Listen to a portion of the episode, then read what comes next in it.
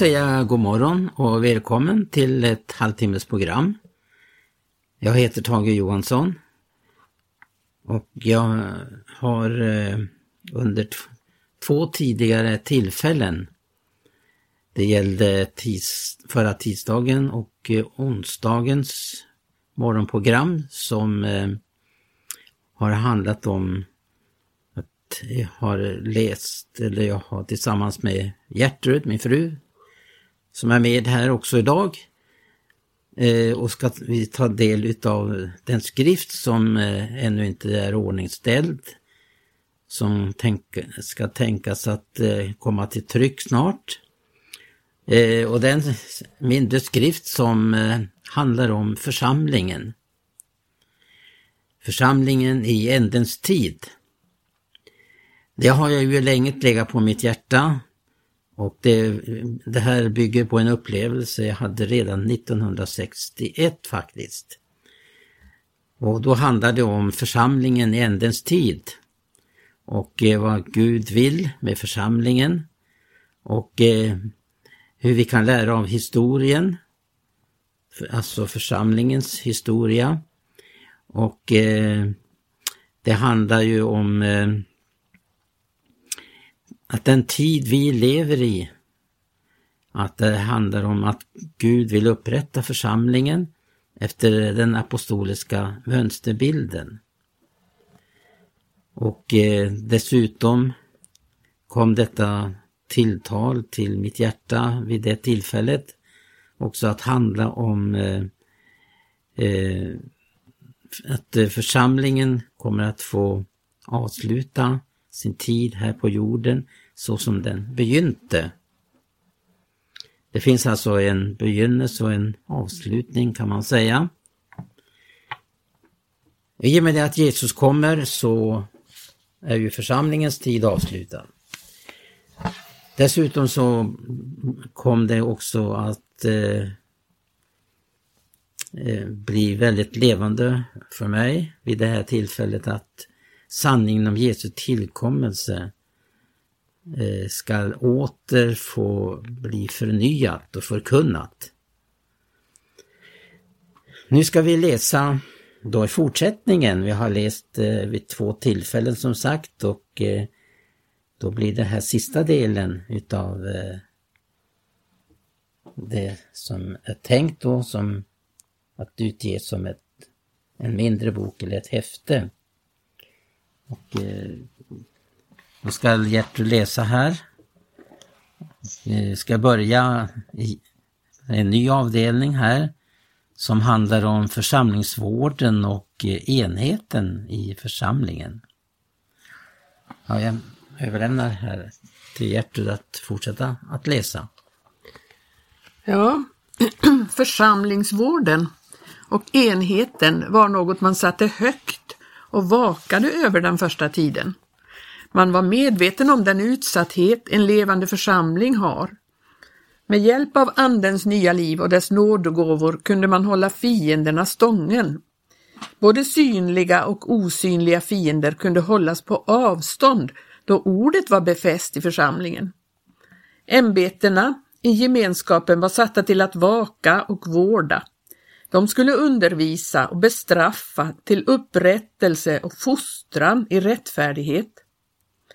Jag hörde en gång en predikant nämna om då det gäller själavård och när det gäller att ta upp de svårare tillrättavisningarna. Han sa jag har aldrig någonsin hört så länge jag varit förkunnare att någon blivit utesluten på grund av girighet. Det handlar då om någon som inte ville ändra sitt beteende. Tvärtom kan det här ibland betraktas som klokhet och sparsamhet och något som är ett föredöme. Men vad säger skriften? Paulus skriver till korintierna då jag skrev till eder menade jag att om någon som kallades broder vore en otuktig människa eller en girig eller en avgudadyrkare, en smädare, en drinkare eller en roffare så skulle ni inte ha något um, någon umgängelse med en sådan eller äta tillsammans med honom. Ty inte tillkommer det väl mig att döma dem som är utanför. Dem som är innanför har ni ju att döma. Dem som är utanför ska Gud döma. Ni ska driva ut ifrån eder den som är ond.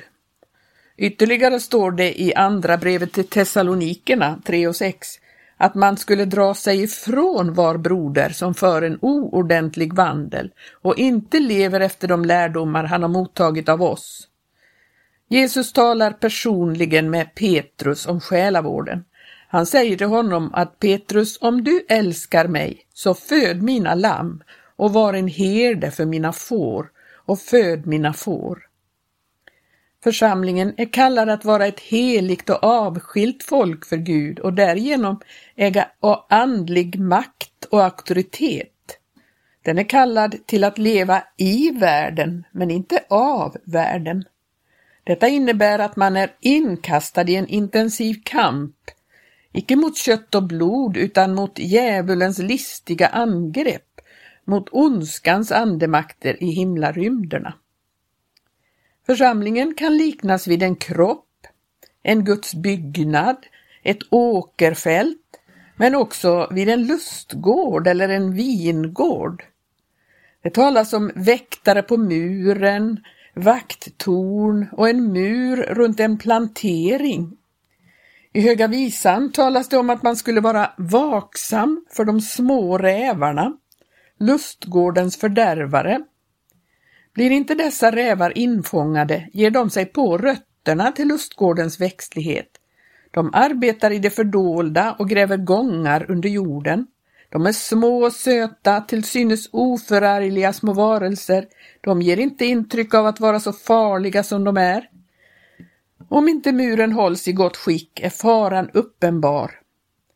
Det har berättats för mig att i en av landets större friförsamlingar så var man noga med att vara bibliska på alla sätt. Där pågick en underbar väckelse, men där kunde man inte hålla stånd mot de små rävarnas angrepp. Det var nämligen så att när väckelsen pågick i församlingen kom många till tro och blev frälsta. Ja, hela familjer lades till församlingen. Bland dem var också väletablerade, fina och välbärgade barnfamiljer.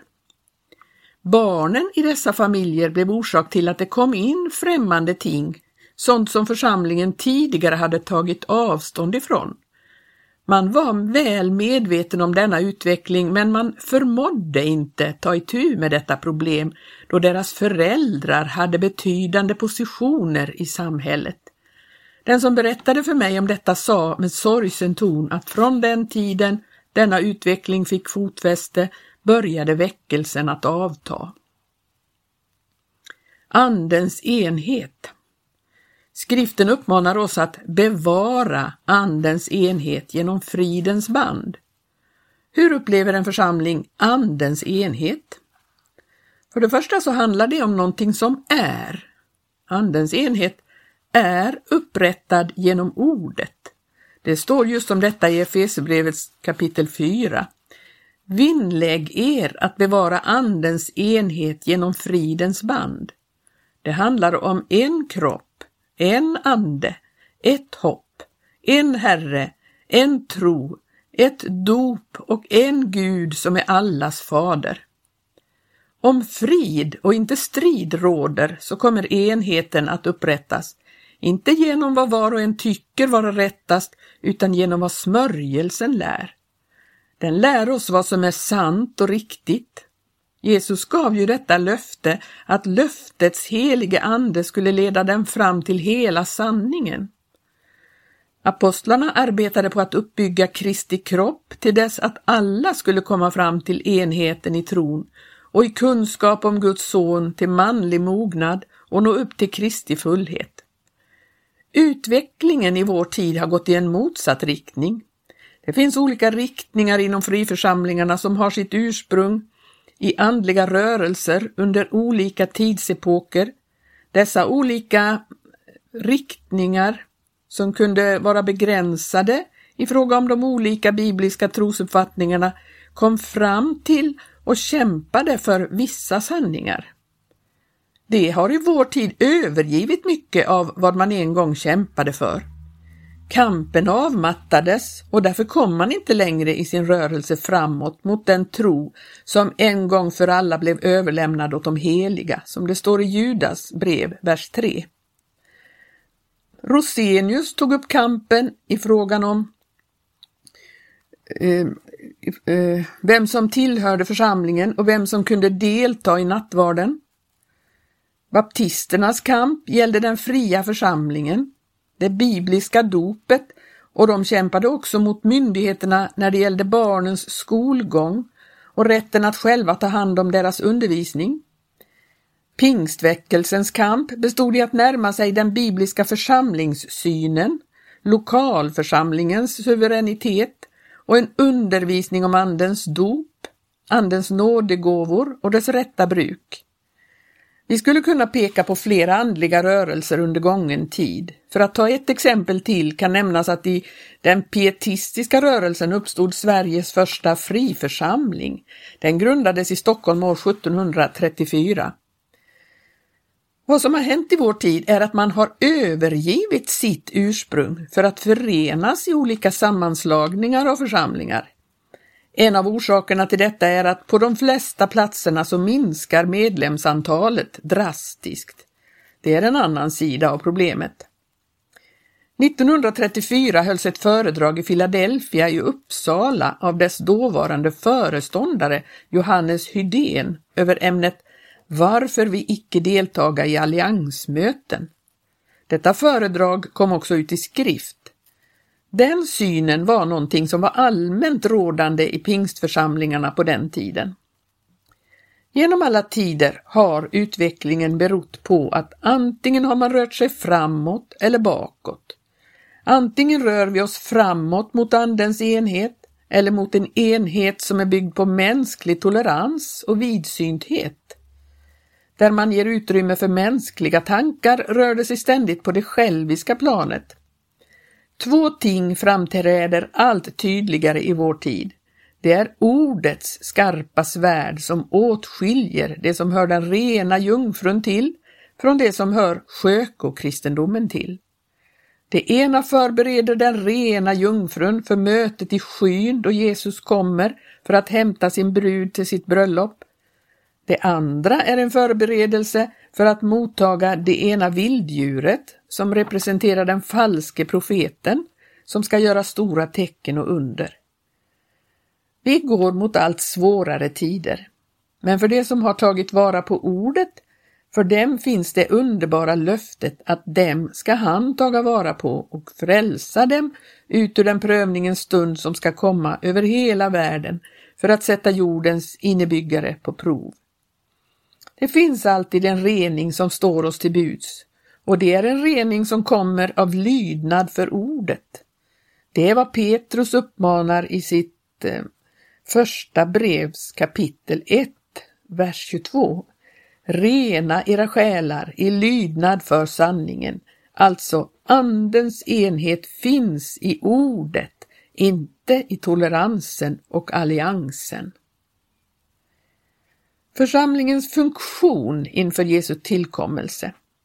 Det finns flera olika sidor av församlingens livsfunktioner. Förutom kampen för att hålla sig obesmittad av världen, förbli trogen sin ställning gentemot sin trolovade brudgum och att vara en ren jungfru, så finns också detta att leva i förnyelsen av den första kärleken.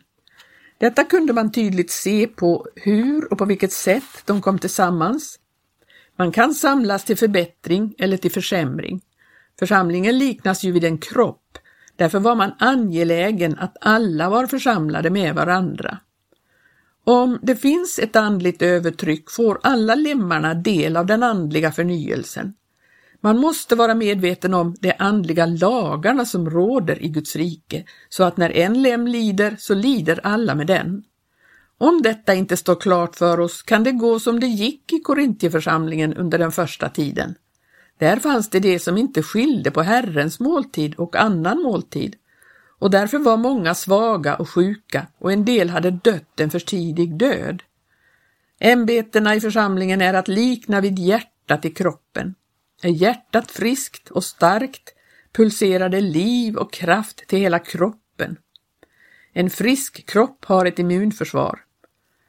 En kär väckelsepredikant sa något i ett stort möte i USA för länge sedan. Han räckte ut sin hand över åhörarna och sa Varför är det så ljumt här nere? Jo, det ska jag tala om för er vad det beror på. Och så vände han sig om och pekade på dem som satt på plattformen, ett antal predikanter. Det är därför att det är så ljumt här uppe. Hur ska man kunna bevaras brinnande i denna sena midnattstid då sömnaktigheten, ljumheten och apatin breder ut sig, då njutandet av livets goda står högt på agendan? Det finns ett enkelt svar, fly för ditt livs skull. Det heter sedan gammalt att umgås man med ljumma kristna så blir man själv ljum. Umgås man med brinnande kristna bevaras man själv brinnande. Gud vill ha rena kärl. Om man håller sig ren och obesmittad så bliver man ett brukbart kärl för Gud. Varför är det så tyst om Jesu tillkommelse i vår tid? Det beror på att det budskapet passar inte in i en ljum miljö. Att tala om uppbrott och uttåg, vilken är för, förknippat med förberedelsen för hans ankomst, är för oroande för den som anpassat sig i sin ljumma tillvaro. Det behövs ett nytt församlande i denna tid.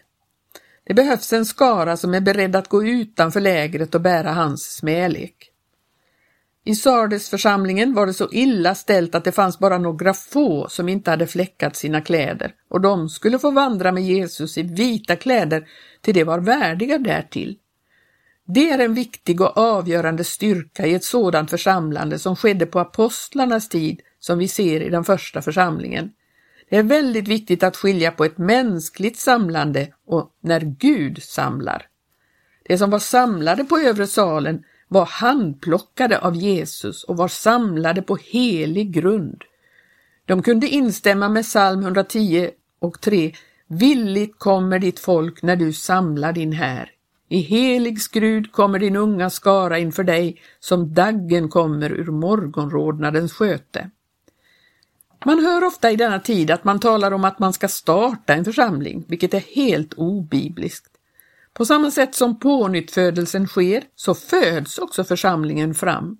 Då är och blir församlingen en gudomlig för företeelse, ett tabernakel där Gud kan bo.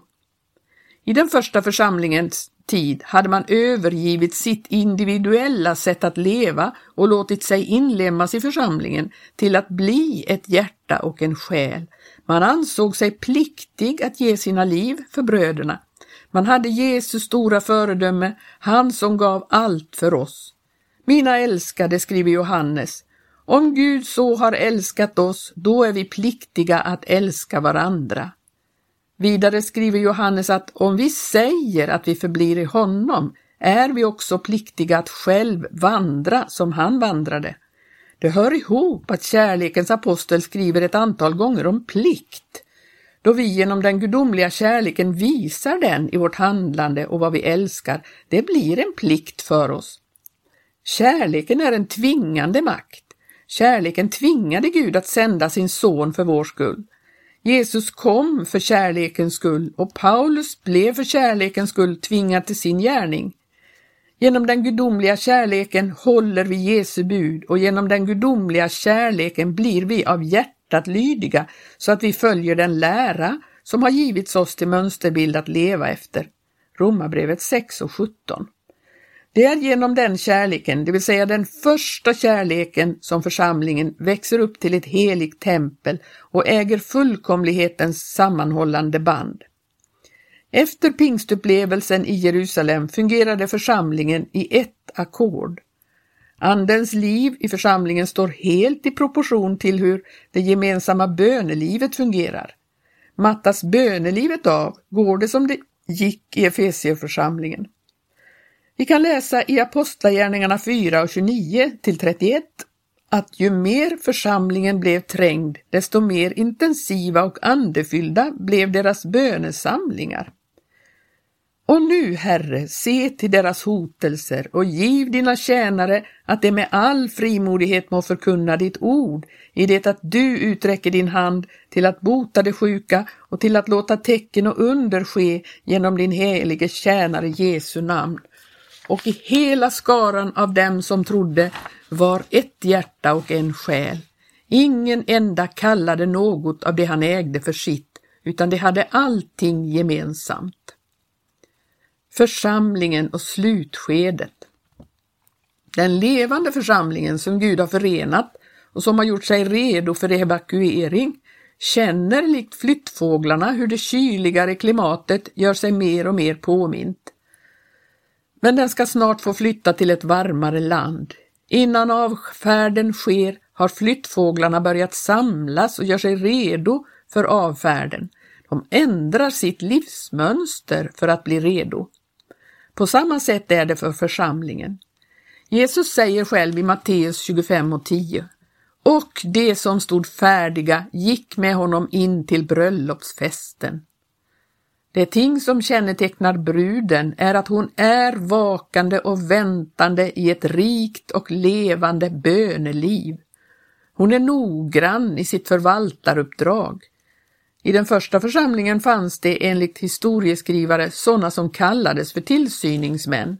De hade till uppgift att speciellt ha uppsikt och vaka över att ingen började tyna i sitt andliga liv.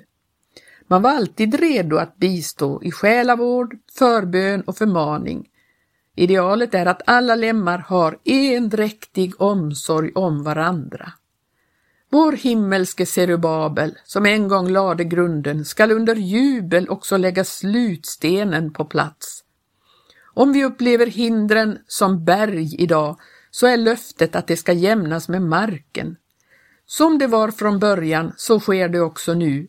Inte genom någon människas styrka eller kraft ska det ske, utan genom Herrens ande, säger Herren. Amen. Ja, det här var alltså tredje tillfället, det programmet som handlade om det här eh, tänkta skriften som ska gå till tryck. Den ska först finslipas lite grann. Och eh, det här som sagt har legat på mitt hjärta en längre tid och eh, jag ser det som värdefullt att få också ut det i tryck.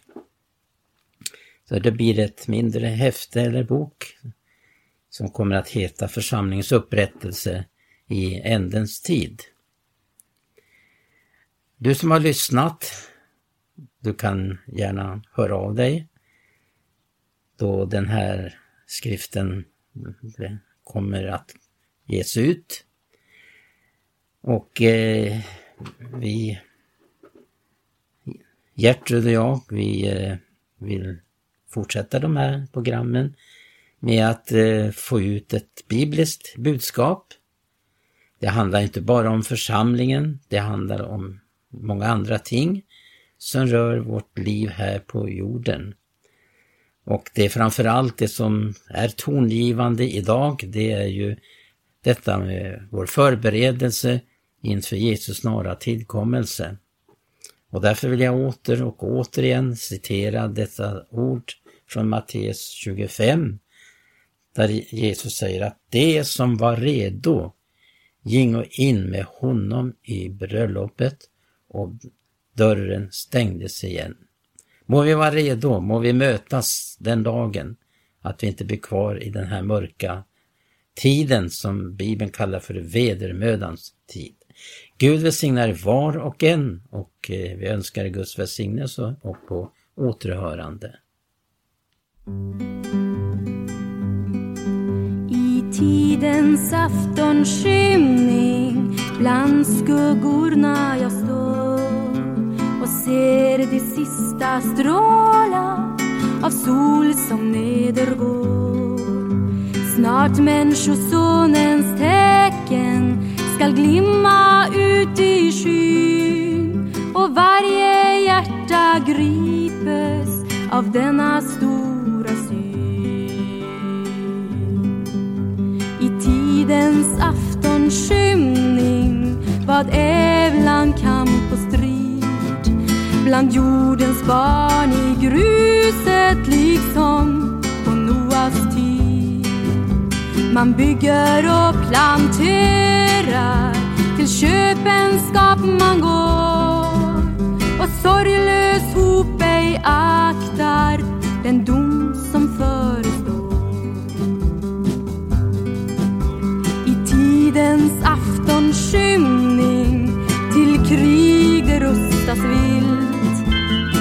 många tusen redan sitt blod på marken bild. Men nack, det är blott början till födslosmärtans vår då hämndens vassa lie de stora skaror slår. I tidens aftonskymning hörs mången livet utan fruktan. Förtrampa Herrens bud.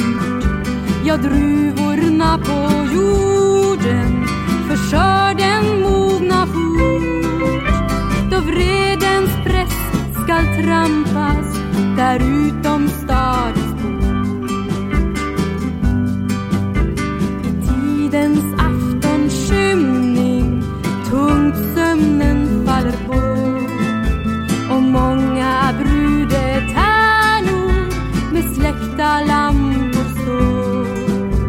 När människor